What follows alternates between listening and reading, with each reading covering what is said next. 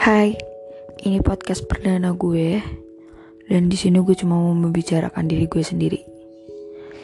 Gue tuh iri banget sama mereka yang mudah jatuh cinta. Karena mereka uh, semudah itu melupakan dan mereka juga semudah itu membuka lembaran baru untuk orang yang baru. Gue yakin gue gak sendiri. Pasti beberapa orang ada yang pernah ngalamin ini atau sekarang lagi ngalamin ini. Mungkin buat beberapa orang yang mudah jatuh cinta, luka itu hal biasa. Cukup menemukan orang yang baru, luka lama akan segera terlupakan. Gue pengen banget kayak mereka yang bisa menyembuhkan luka lama dengan menemukan orang yang baru. Tapi kenapa setiap gue mau menemukan orang yang baru, luka lama selalu teringat.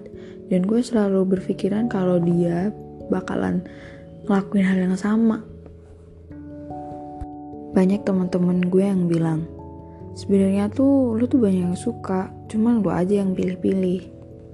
Teman-teman gue pikir gue punya standar cowok yang tinggi.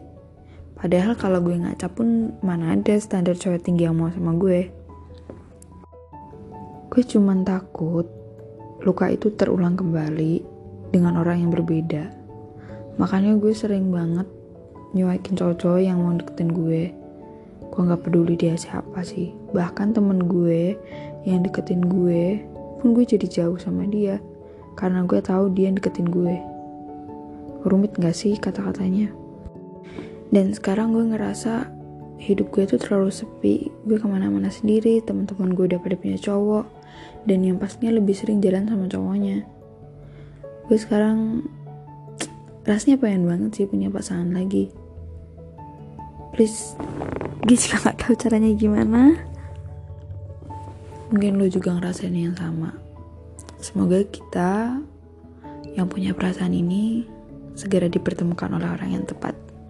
Sekian podcast perdana gue semoga lo suka. Bye